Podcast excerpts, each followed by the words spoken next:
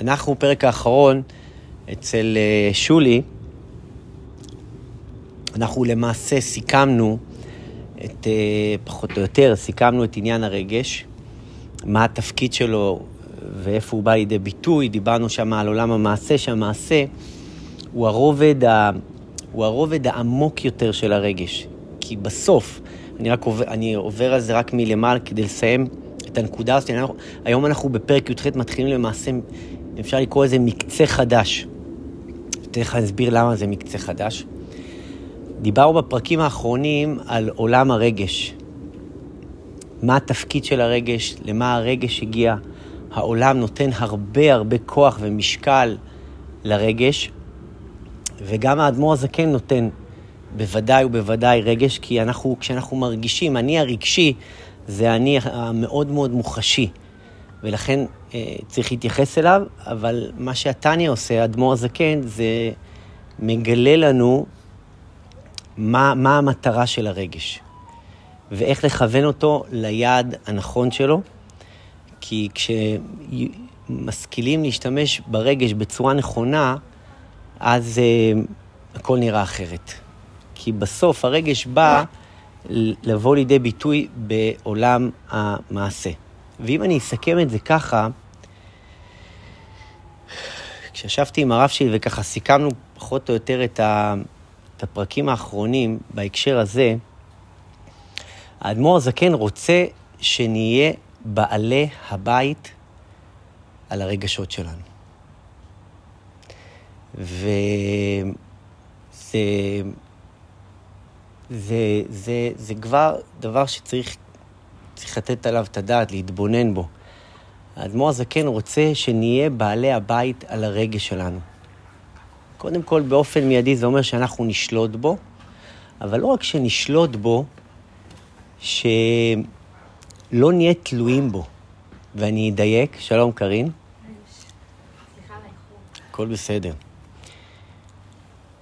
שלא נצטרך את העולם, אני אומר את זה בלשוני, שלא נצטרך את העולם כדי להתרגש, כדי להתחייב, כדי להישבר.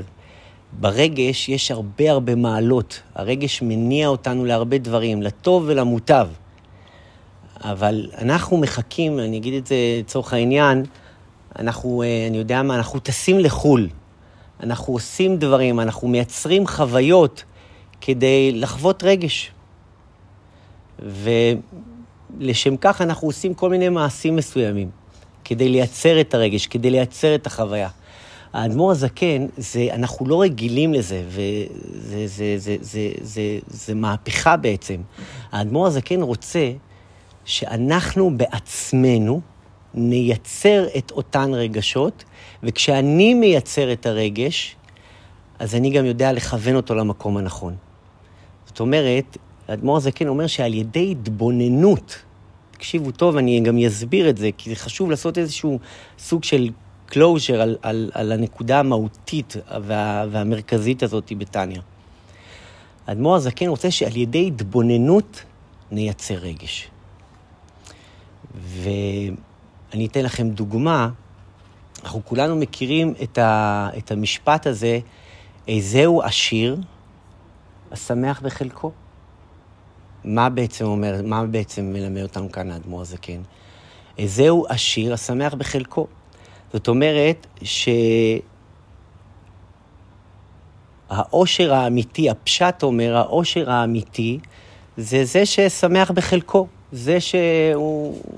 זה לאו דווקא אם יש לי או אין לי, זה לאו דווקא, זה בכלל לא עניין של כסף.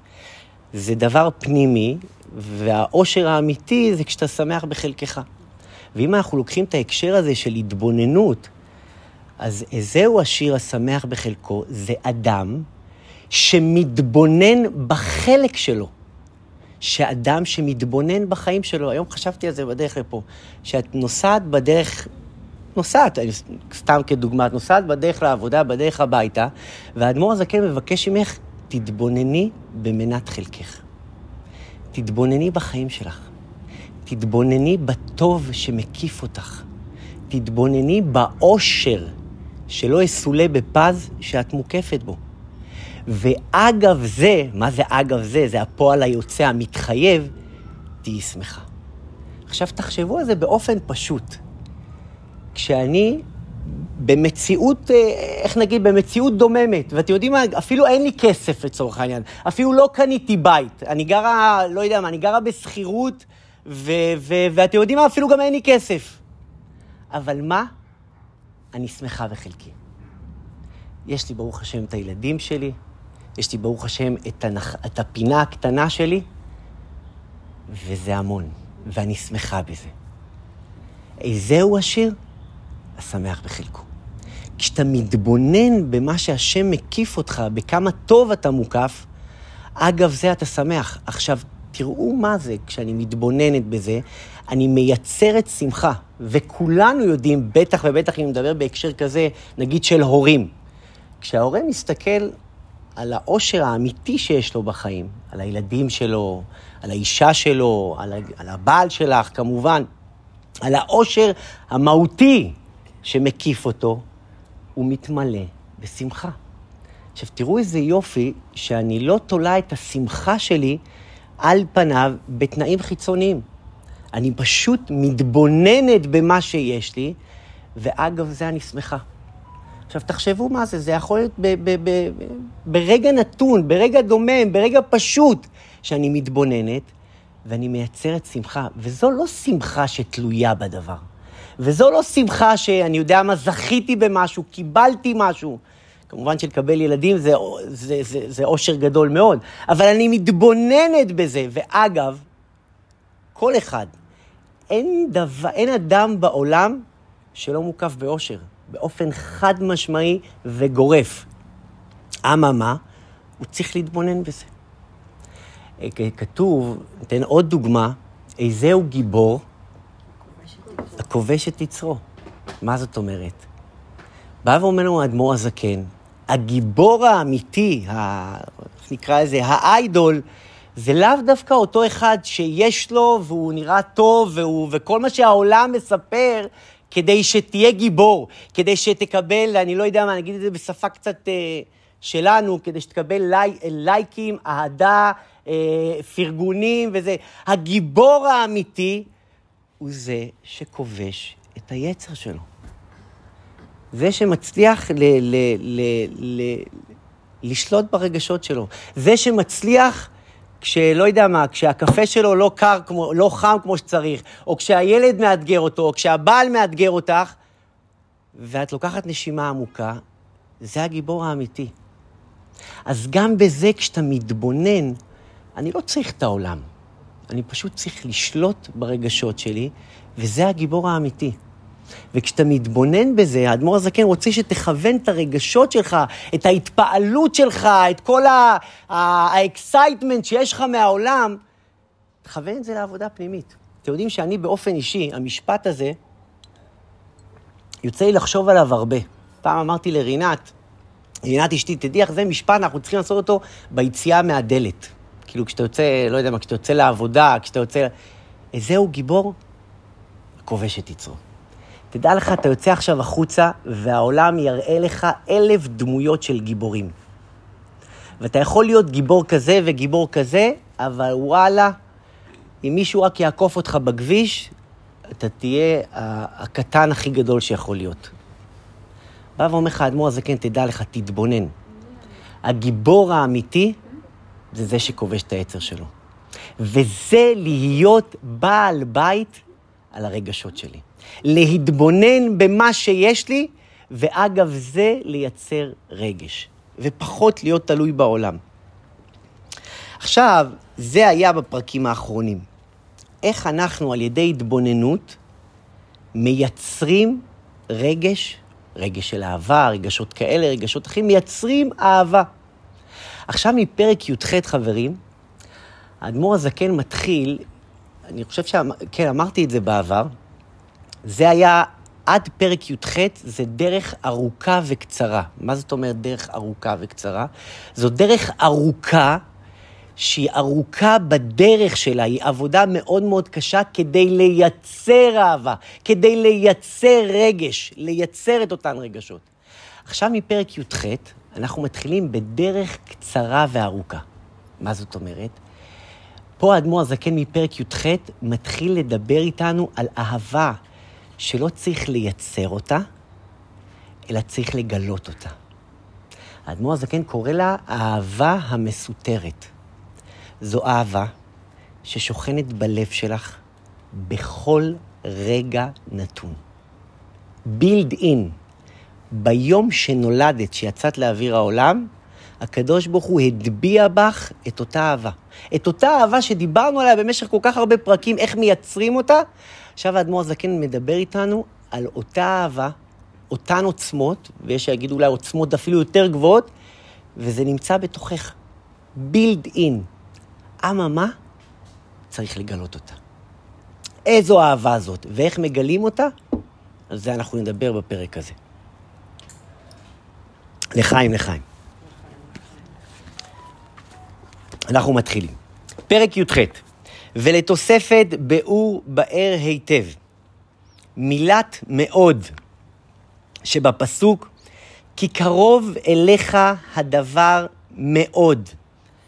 זה נכון, זה פסוק שעליו מושתת ספר התניא, שהאדמו"ר הזקן לקח אותו ואומר, כי קרוב אליך הדבר מאוד, בפיך ובלבבך לעשותו. זאת אומרת, שהעבודה הכי נעלית, שה, שהקליימקס, שהפסגה הכי גדולה, שה, שה, ש, שזו השליחות שלך, שזו המשימה שלך, שזה החלומות שלך, השאיפות שלך, השאיפות המתוקנות שלך, הדבר הכי גבוה זה קרוב אליך, בפיך ובלבבך לעשותו. זה כל כך קרוב אליך, ועוד, ועוד מדגיש, מאוד. ועל המאוד הזה, האדמו"ר הזקן מדבר עכשיו. על, כאילו, מה זה מאוד? מאוד זה אומר שזה כל כך קרוב אליך, זה כל כך נמצא ממש בתוכך, רק פשוט צריך לגלות את זה. ואומר האדמו"ר הזקן, כי קרוב אליך הדבר מאוד. צריך לידה נאמנה. כי אף מי שדעתו קצרה בידיעת השם, ואין לו לב להבין בגדולת אינסוף ברוך הוא, תכף אני אסביר הכל, להוליד ממנה דחילו ורחימו, אפילו במוחו ותבונתו לבד, אף על פי כן קרוב אליו הדבר מאוד, לשמור ולעשות כל מצוות התורה, ותלמוד תורה כנגד כולן, בפיו ובלבבו ממש מעומקא דליבה, באמת לאמיתו. אומר האדמו"ר הזקן, לכאורה, קודם כל, כשה, כשה, אם אנחנו לוקחים את הפסוק הזה, כי קרוב אליך הדבר מאוד, אומר האדמו"ר הזקן, לכאורה עולה כאן שאלה, מה זה מאוד וקרוב אליך? אין כאן חלוקה למי זה קרוב ולמי זה לא קרוב, למי זה קרוב יותר או למי זה קרוב פחות, אלא זה קרוב לכולם. אז עולה לכאורה השאלה, מה זאת אומרת? ובן אדם שלא יכול, הרי עד עכשיו דיברנו על אהבה שמתבוננים בה, שצריך לייצר אותה. אז יש אנשים שיכולים להתבונן ולעשות עבודה עם השכל שלהם, ויש אנשים שכמו שכתוב, דעתם קצרה, שהם לא... אין לי זמן להתבונן. אני לא יודעת מה זה להתבונן. אגב, מישהו פעם ניסה להתבונן? להתבונן זו עבודה מאוד מאוד מאוד קשה. להתבונן בדברים. קודם כל, שלא לדבר היום, בואו בוא, בוא ננסה להחזיק מחשבה, בואו ננסה להחזיק נקודה לכמה דקות. תראו כמה זה קשה, כי אנחנו דור שמלא בכל כך הרבה הסחות דעת. שואל האדמו"ר הזקן, לכאורה, קרוב אליך הדבר מאוד מה? גם לאדם שלא יכול להתבונן, גם לאדם שדעתו קצרה, גם אליו קרוב הדבר מאוד. מה, הנקודה הזו, הקרבה הזאת, האהבה המסתתרת הזו, היא שייכת לכולם? אומר אדמו"ר הזקן, כן. האהבה הזאת היא אהבה שמסתתרת בלב ליבו של כל אחד, של כל אדם, וכל מה שצריך לעשות זה לגלות אותה. רק שצריך להקדים ולבאר, אה, סליחה, לעשות כל מצוות התורה, תלמוד תורה, כן, בפיו ובלבבו ממש, מעומקא דליבה, באמת לאמיתו. בתחילו ורחימו, תחילו ורחימו זה יראה ואהבה, שהיא אהבה מסותרת שבלב כללות ישראל. אומר האדמו"ר הזקן, זו אהבה שמסתתרת בלב כללות ישראל. מה זאת אומרת כללות ישראל? בכל יהודי. זאת אומרת, האדמו"ר הזקן אומר, יש בתוכנו אהבה. אהבת השם. עכשיו תגידו, אני לא יודעת כמה אני אוהב את השם, כמה אני בכלל מכירה את האהבה הזאתי, כמה אני בכלל מגלה את האהבה הזאתי. אומר האדמו"ר הזקן, זה בפנים. זה בתוככם. זו נקודת אמת פנימית כזו, שהיא מסתתרת בך, וברגע אחד היא יכולה להתפרץ בעוצמות שלא ידעת בכלל שזה קיים בתוכך. אני דווקא עכשיו אתחיל בסיפור שאני מניח שחלקכם גם מכירים אותו. דניאל פרל, מישהו שמע עליו? יכול להיות שסיפרנו, נכון? נכון, נכון. נכון, נכון. אותך לא ראיתי קצת, נכון? יכול להיות. שלום. לא, אני מכיר אותך. דניאל פרל, מה? דניאל פרל, הוא היה בראשון לפברואר 2002, לפני 20 שנה, כשהיה אז את המלחמה עם, אה, עם אל-קאידה, אז הוא היה עיתונאי אמריקאי, ש... זה זה שערפו לו את הראש? נכון. שלא היה לו שום קשר לדת, ואגב, אני קצת אה, נכנסתי וקצת אה, קצת חקרתי בעניין שלו. אפילו, אני חושב, החברים שלו לא ידעו בכלל שהוא יהודי. כי הוא לא היה נותן לזה שום, שום ביטוי. שום ביטוי חיצוני ושום זה, הוא היה פשוט יהודי, אמריקאי, אמריקאי זה, שעשה עבודה, לא יודע מי זה היה, BBC או פוקס ניוז. ו... ואז זו הייתה מלחמה שהייתה כשאל-קאידה ממש יצאו, יצאו מהארון, כמו שאומרים. והטליבן לקח אותו לשורותיו, ויש את זה, אגב, ביוטיוב, אתם יכולים לראות את זה. יש את הסרטון הזה, שאל-קאידה ככה אה, מראיינים אותו, והם ניסו לה, להשיג כל מיני דברים באמצעות הסרטון הזה. ואז, רגע לפני שלצערנו הם אה, טיפלו בו, יימח שמם, הם שאלו אותו, מה המילים האחרונות שאתה רוצה להגיד לאומה האמריקאית, לעולם בכלל?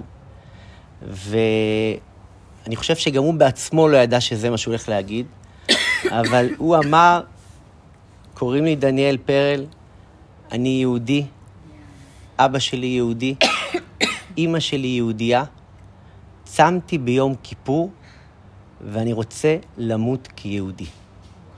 הוא אמר, שמע ישראל, השם אלוקינו, השם אחד, והם הרגו אותו. אגב, זה כתוב על המצבה שלו.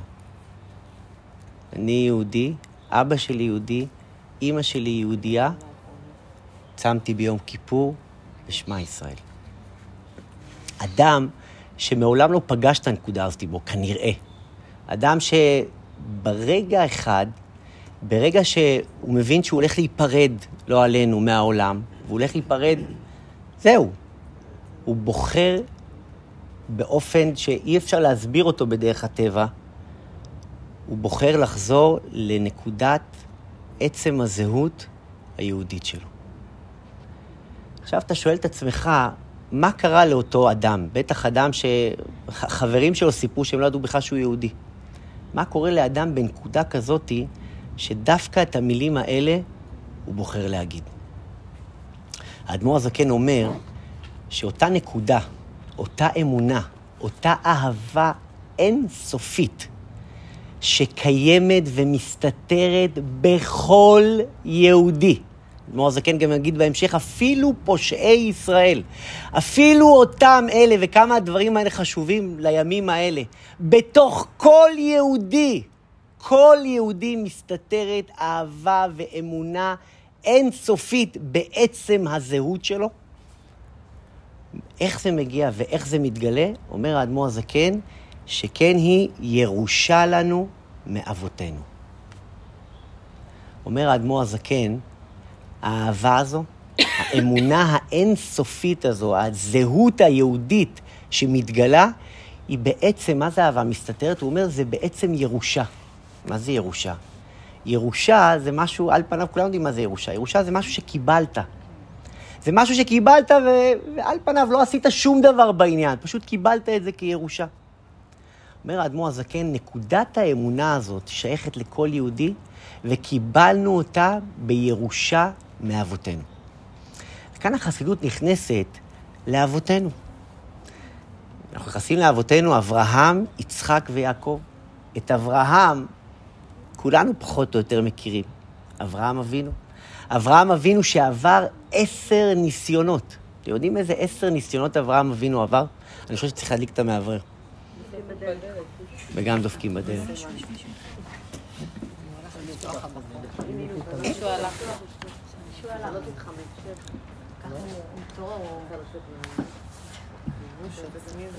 לא.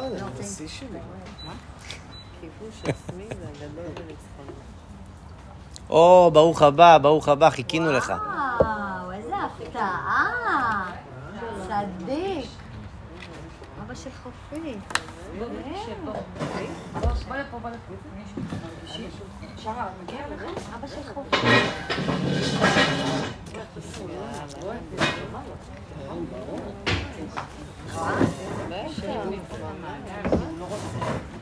שלום עליכם, ברוכים הבאים.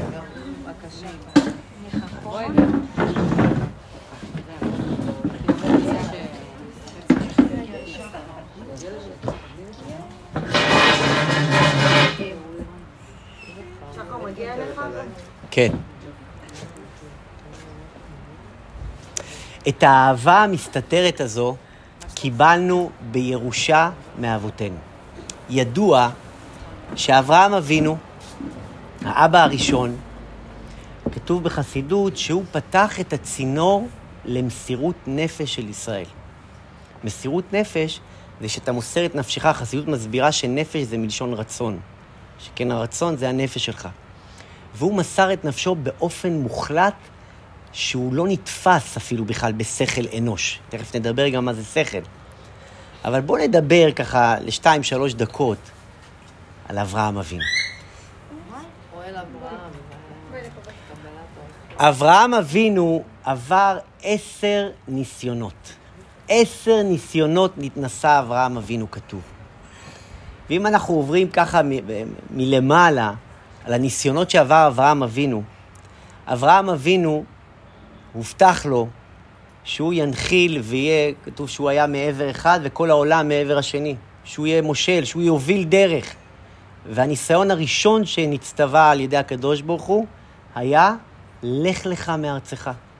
הקדוש ברוך הוא אמר לו, מהארץ שלך, מהארץ המובטחת, אתה צריך לעזוב.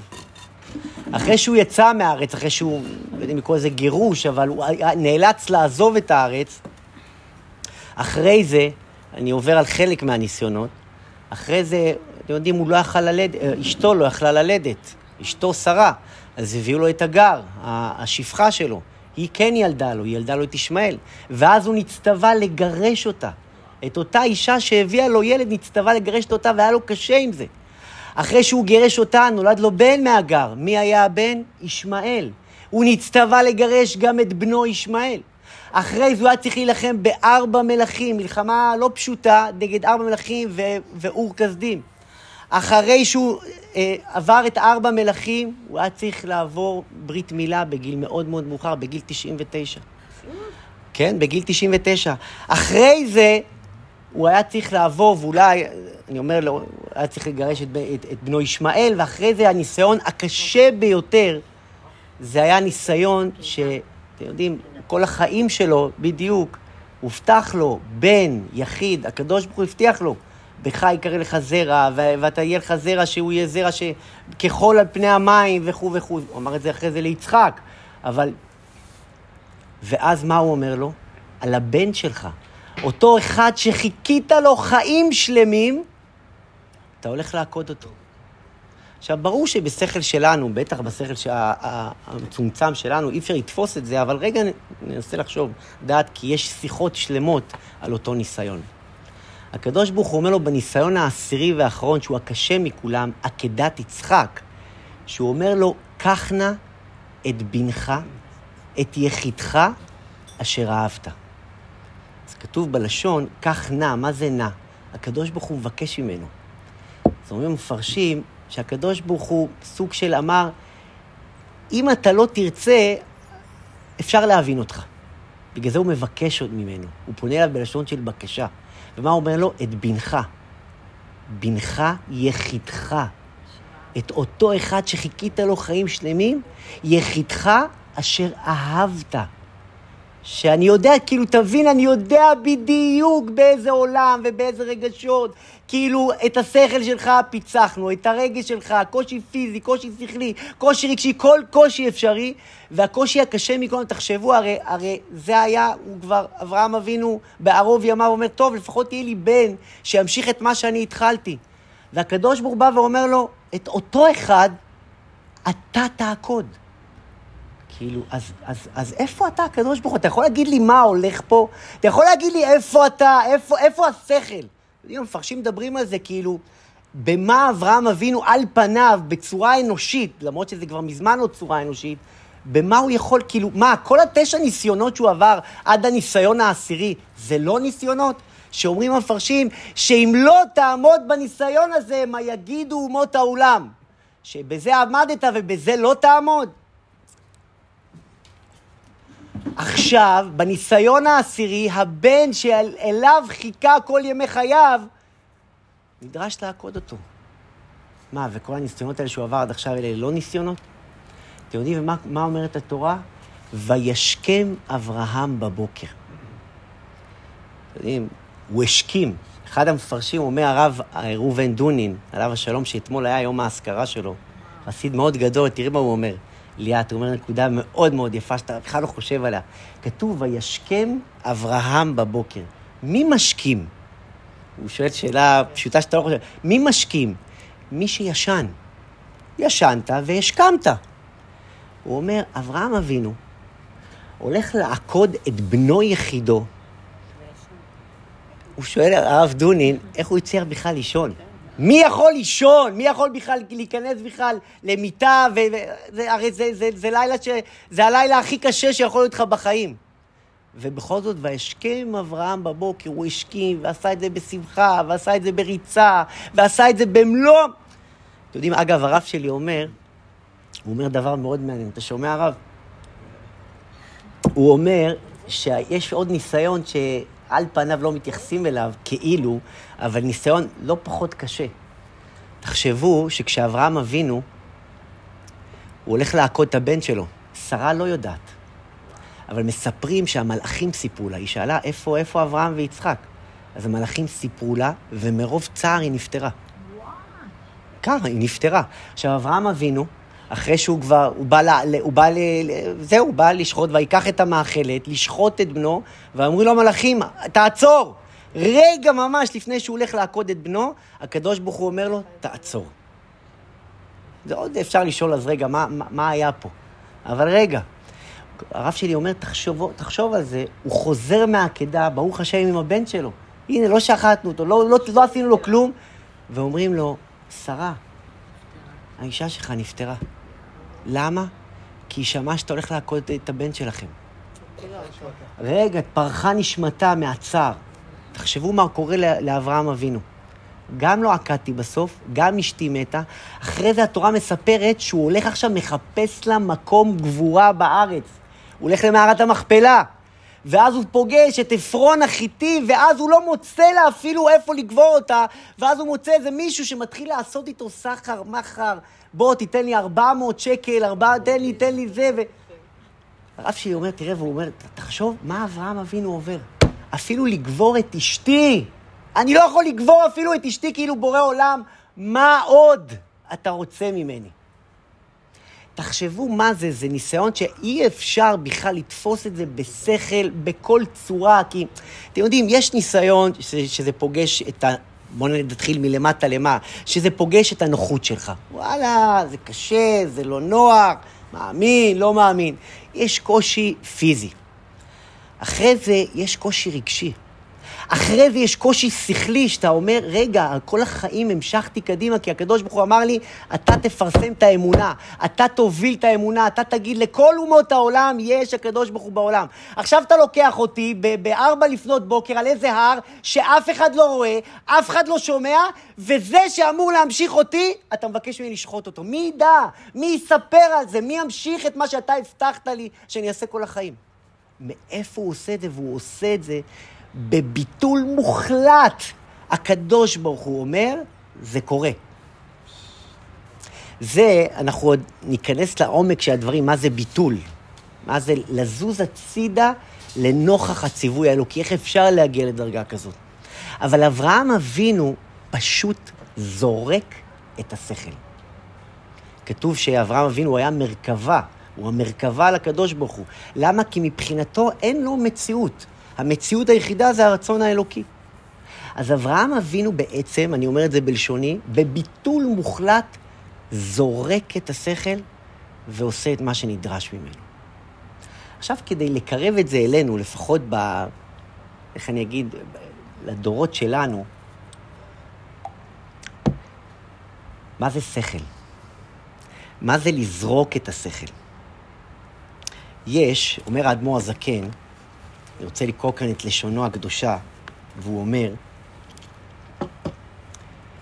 ככה: איל ירושלמו ואבות אל הרכבה, נה נה נה נה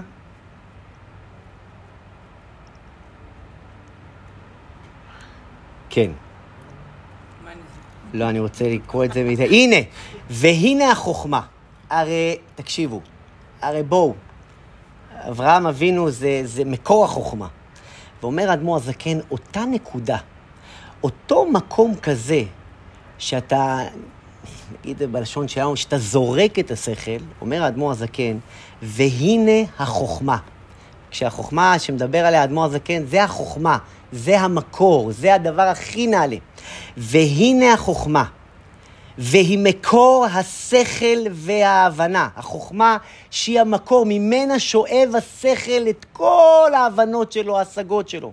והנה החוכמה, היא מקור השכל וההבנה, והיא למעלה מהבינה, שהוא הבנת השכל והשגתו. והחוכמה היא למעלה מההבנה וההשגה. מה זאת אומרת? אומר האדמו"ר הזקן, אותה חוכמה, אותה דרגה גדולה כזאת, זה חוכמה ששם השכל, בטח השכל שלנו, הוא לא תופס מקום. הוא לא מכיר דבר כזה. אבל זו החוכמה הכי גבוהה, היא המקור של השכל. עכשיו תקשיבו טוב. אני אגיד את זה קודם כל ככה.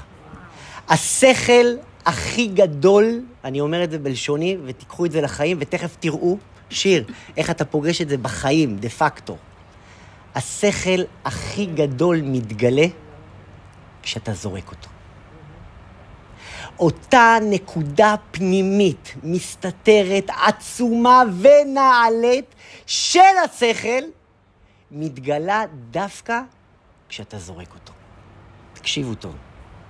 אני רוצה לספר לכם סיפור, שאגב, שמעתי את הרב יוסף יצחק ג'ייקובסון מספר אותו לא, לא, לא מזמן, וזה סיפור שסיפרו אותו בהאווארד, מקור החוכמה, אני אומר את זה במרכאות, אבל זה אחת האוניברסיטאות הכי חשובות בעולם. זה, זה, זה ידוע, זה, זה עובדות. היה שם, עשו שם מבחן ל-300 סטודנטים, מבחן גמר לפקולטה לפילוסופיה. עכשיו, כולם יודעים מה זה פחות או יותר פילוסופיה. פילוסופיה זה הכי כאילו תיאוריות והשגות ו- ו- ופלצף בלשון שלנו. פילוסופיה ופילוסופיה ופילוסופיה. אז תחשבו שבהרווד, אחת האוניברסיטאות הכי חשובות בעולם, היה שם מבחן גמר שנערך בין 300 סטודנטים. הגמר, מי יקבל את תואר דוקטורט בפקולטה לפילוסופיה בהרווארד. ניגשים 300 סטודנטים, והם כולם מוכנים, כבר תחשבו, טוב, אני לא מבין בזה, אבל פשוט קצת קראתי, תחשבו איזה מבחן זה אמור להיות. ובמבחן הזה היו 300 נבחנים, וכשהם קיבלו את המבחן, הייתה במבחן הזה שאלה אחת. נכון? עכשיו תכף תראה איך זה מתקשר. ודאי. הייתה שם שאלה אחת. על כל התיאוריות, על כל ההשגות, על כל הפילוסופיות, הייתה שאלה אחת. למה? תחשבו שבמקצוע שכל כולו הוא שכל, הבנות, השגות, פילוסופיות, המבחן היה, ניגשו למבחן והם ראו שם שאלה אחת. למה? למה? נקודה שבעצם כאילו, כאילו, רגע, אנחנו כמו סוסים דוהרים במשך שבע שנים, אחרי השגות, אחרי פילוסופיות, אחרי השגות של אריסטו, של פרויד, של כל מיני, סוקרטס וכל מיני מצביעים גדולים ופילוסופים גדולים. בחרה הפקולטה לשאול למה. עכשיו, איך ניגשים לשאלה כזאת? מי בכלל מוכן לשאלה כזאת? איך אתה עכשיו בכלל נובר בכל... כאילו מה, זה איזשהו חוט מחבר בין כל כך הרבה פילוסופיות, שאתה עכשיו שואל, למה? בוא תשאל אותי מה הייתה הפילוסופיה של זה, אני אצטט, בוא תשאל אותי. אתה שואל בכלל נקודה שבעצם נכנסת לעמוד השדרה של כל אותן פילוסופיות, ואתה שואל למה? אבל זה מה שהיה. והיו שם שני נבחנים מתוך כל השלוש מאות, שאחד מהם קיבל A, A זה 100, והשני קיבל A פלוס. אחד קיבל ציון מלא, והשני קיבל ציון מצטיין, זה כאילו מעל 100. ומה הייתה התשובה? חלקכם כבר שמעתם את הסיפור הזה, אבל כמה זה מתקשר לתוכן שלנו. אז אחד הסטודנטים שם ענה, זה שקיבל A, הוא אמר ככה. אמרת את זה? את ידעת את זה? אה, את פשוט אמרת את זה. יפה מאוד. אני לא הייתי חושב על זה אם לא הייתי שומע את זה. אז יפה. מה שמך? הילה. יפה מאוד שאת אומרת, רגע, את הילה שהסתמסת איתי היום? אה, יופי, ברוך השם, אני שמח שבאתם. למה אמרת ככה? זה מעניין אותי, כי את הראשונה, אולי השנייה, שאמרה את זה באחד איזשהו... כן? אה, נכון, נכון, נכון. לא. הילה, למה, את חושבת מיד ככה? הרי בואי, את יודעת, זה מקצוע שצריכה להיות פה... לא, לא, לא, לא, לא, לא, אני בכוונה שואל, כי זה, זה, זה, זה עצם השיעור שלנו. סוג של עייפות החומר. סוג של מה?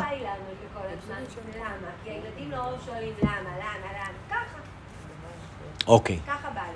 ככה. בשאלה מופשטת, נותנים תשובה כן. מופשטת. אפשר, זה לא משהו קונקרטי שאתה יכול נכון, לענות. הוא לא- הוא לא הצביע למה מה, למה מה, מה, מה, ככה. חושבים שהתשובה כל כך מופשטת, אז בגלל זה לא עונים עליה. אז בואי תקשיבי. אז לתשובה הזאת יש עומק על עומק, גם בקבלה. זה בטח ובטח לא עייפות. כי זרקת את השכל וענית את התשובה, אחי. לא רק זה, שולי, תקשיבו. בקבלה יש, לא ניכנס לכל הספירות, אבל בקבלה יש את הכתר. הכתר זה מעל, זה, זה המקום המאוד מאוד גבוה, ותכף תראו כמה זה פוגש אותנו גם ב, בהרבה דברים שאנחנו זה. בכתר כתוב בתפילה, אשרי העם שככה לו. שככה לו. נקודת הכתר, קוראים לה ככה. חס ושלום, ממש לא מתוך עייפות, זה אדרבה ואדרבה. מה זה ככה? עכשיו אנחנו נבער את זה לעומק. מה זה ככה? זה בטח לא כי ככה. כי תשימו לב שבחיים שלנו, דווקא אותם דברים, דברים של רגש, דברים של פריצות דרך, דברים של תחושות מאוד מאוד עמוקות, אלו דווקא אותם דברים שלא יכולנו להסביר. אבל הרגשנו את זה. אבל, שם, אבל ידענו שזה ככה. למה? אני לא יודעת למה. כי ככה זה המקום שמאפשר לך, מה זה לצאת מהקופסה? כי הקופסה היא תבנית. אנחנו באופן מודע, בכלל האדם, האדם מחפש כל הזמן לוגיקות, תבניות. כי התבנית נותנת לך קרקע. התבנית מסבירה לך, ולוגיקה זה תבנית שמסתדרת בשכל.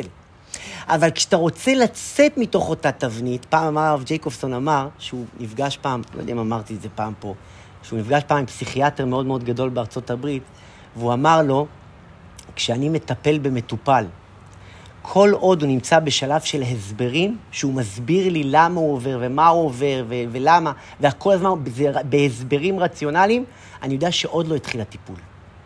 כשהוא נתקע, כשהוא נתקע ומפסיק להסביר, אני יודע ששם אנחנו נכנסים לרובד יותר עמוק. כי בככה זה... כשאבא, לצורך העניין כדוגמה, כשאבא אומר לילד שלו ככה, זה לא רק כי ככה, כי יש סמכות עליונה שאנחנו לא יכולים תמיד להבין אותה, וזה לא כי אתה לא רוצה להסביר לך, ממש לא. כי ככה, איך אמר הרב ג'קובסון אמר? כי זו מהות האינטימיות שבזה. אתם יודעים כמה דברים, כמה היה, היה קל לנו בחיים אם לא היינו מנסים לנתח כל דבר? אני קודם כל אקרב את זה אלינו. כמה דברים בחיים, אתם יודעים, גם בעניינים של בינו לבינה. מה, אתה באמת יכול להבין את אשתך בכל דבר? מה, את באמת יכולה להבין את בעלך בכל דבר? עכשיו, זה לא כי את יכולה או לא יכולה, כי יש דברים ברובד עמוק יותר שהם שייכים לעולם שנקרא ככה. שימו לב רגש, שימו לב תשוקה, שימו לב רצון. רצון, אמר את זה, שכחתי את השם שלו. אחד הפרופסורים הגדולים אמר שמצאתי הסבר לוגי לכל דבר, אבל למקור התשוקה לא מצאתי הסבר. תשוקה! הרי מי לא מניע אותו התשוקה? מי לא מזיז אותו התשוקה? התשוקה מניעה את כל גלגל העולם. ואין לזה הסבר. מה זה הרצון המתפשט? קוראים לזה ככה בחסידות. מה זה הרצון המתפשט? זה כוח כל כך עצום, אבל זה כוח שלא מסתדר באופן מתמטי. האדמו"ר הזקן קורא לזה בפרק חוכמה לשון כוח מה. שכשאתה מבין שהכוח שלך, מה הוא? כשאתה מזיז הצידה את זה. אתם מבינים מה שאני אומר? לא, אני חסר לי ה-A פלוס. אה, נכון. נכון. אז זה ה-A פלוס, מי, מי זוכרת מה זה ה-A פלוס? יפה שהחזרת אותנו לזה. מה? לא, לא. היה אחד שהיה קיבל את המאה, והשני שקיבל מאה פלוס. ככה ככה. למה לא? הוא אמר, למה לא? הוא בעצם החזיר את הקושייה לזה ששאל אותה.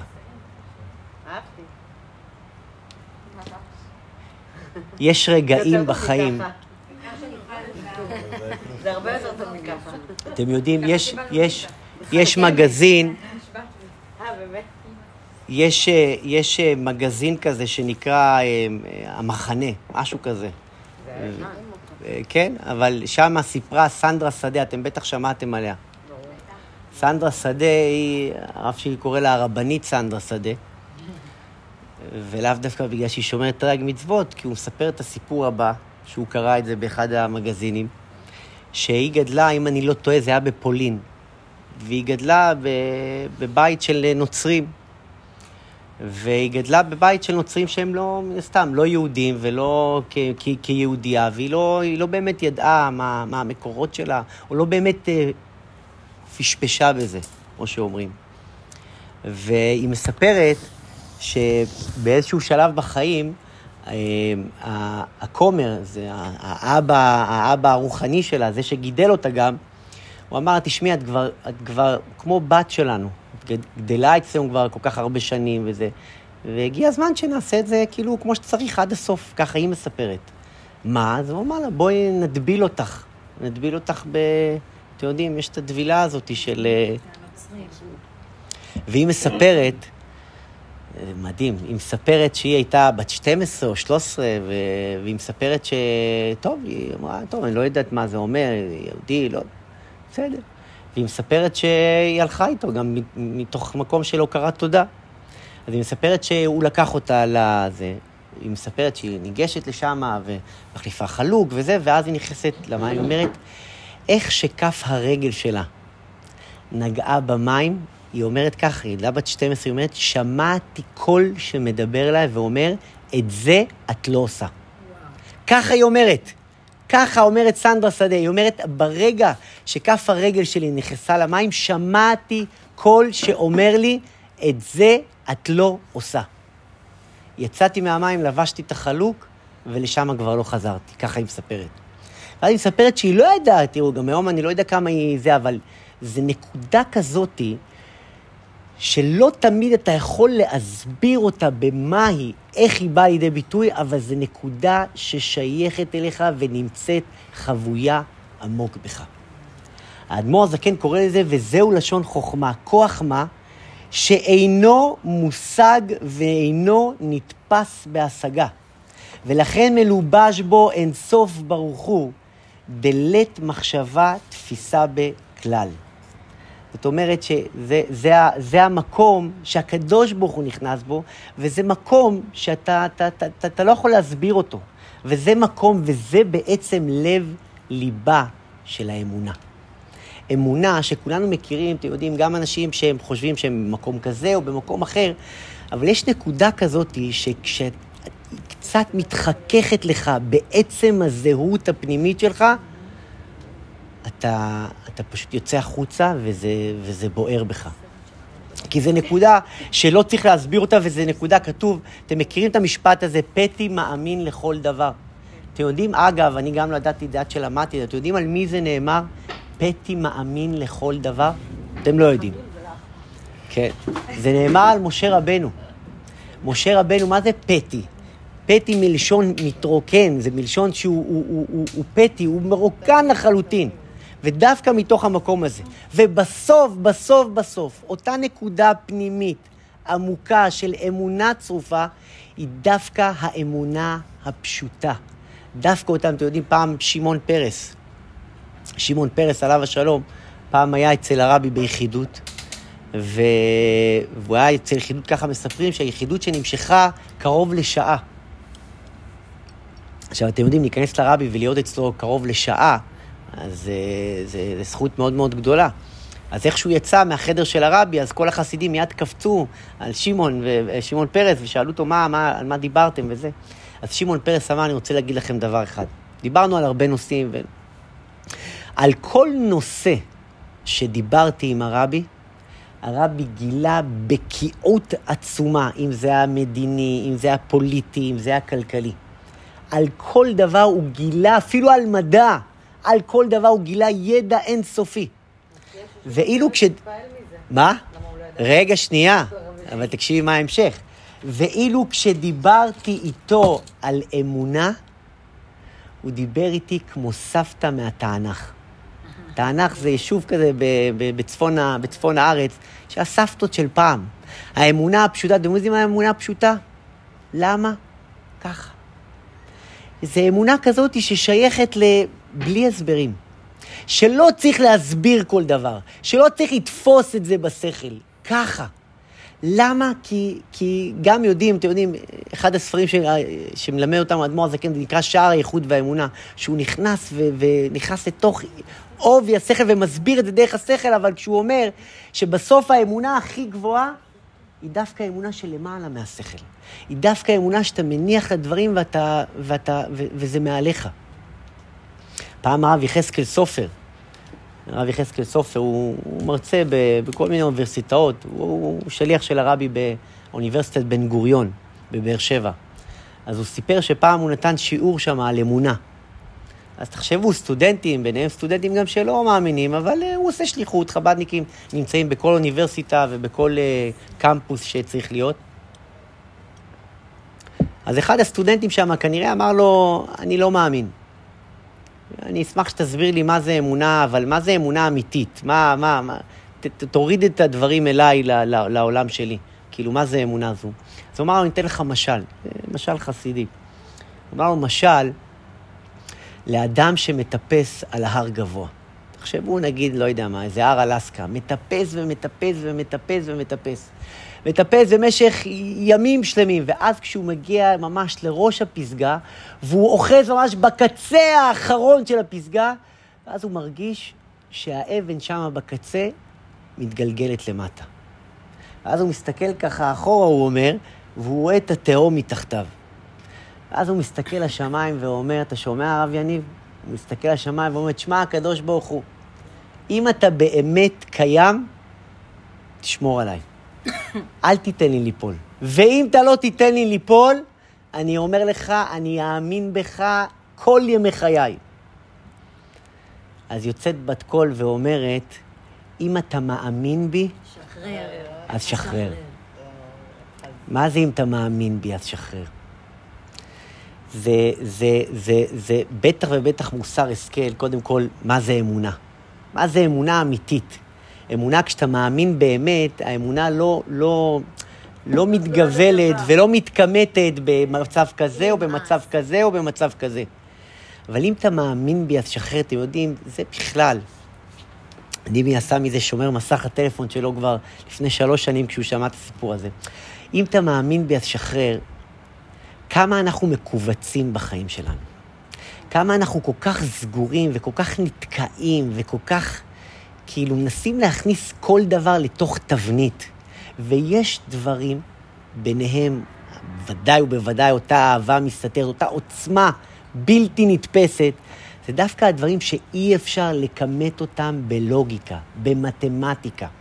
ודווקא אותו רגע, אני לא יודע אם חוויתם פעם, אני פעם אחת, אני זוכר שהיה לי, כשעברתי איזושהי תאונה עם האופנוע, והבנתי שניסיתי הכל להבין דרך שכל, ועד שהקדוש ברוך הוא אמר לי, אתה לא מבין, זה לא דרך שכל. אם אתה רוצה לעבור את זה, אתה חייב להניח לשכל. ואני לא אשכח את אותו רגע שהנחתי לשכל, והנחתי לשכל לא כי האמנתי, כי לא הייתה לי ברירה, אבל זה היה רגע כזה של הרפייה, שפתאום קיבלתי את זה איך שזה.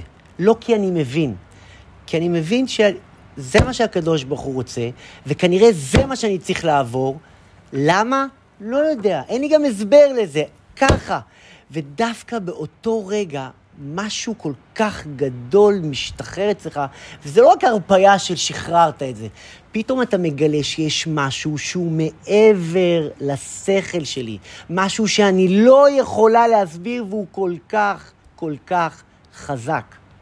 פשוט ברגע מסוים, ברגע כזה ש, שהקדוש ברוך הוא עוזר לי לגלות את זה, שאני עוברת איזשהו משהו בחיים שדוחף אותי לאותו מקום, אני מגלה רגע שאתם מכירים פעם דבר כזה, שלא יכלתם לכמת אותו ברגש, אבל זה היה כל כך נוכח וכל כך חזק, וזה לא היה קשור לשכל בכלל.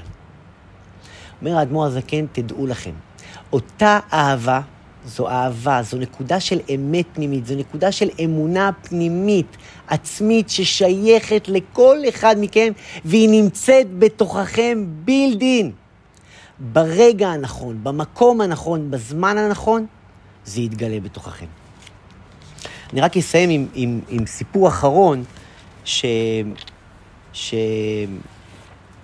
שהרבי פעם, אה, זה היה, בדיוק סיפרתי את זה לאחי בדרך,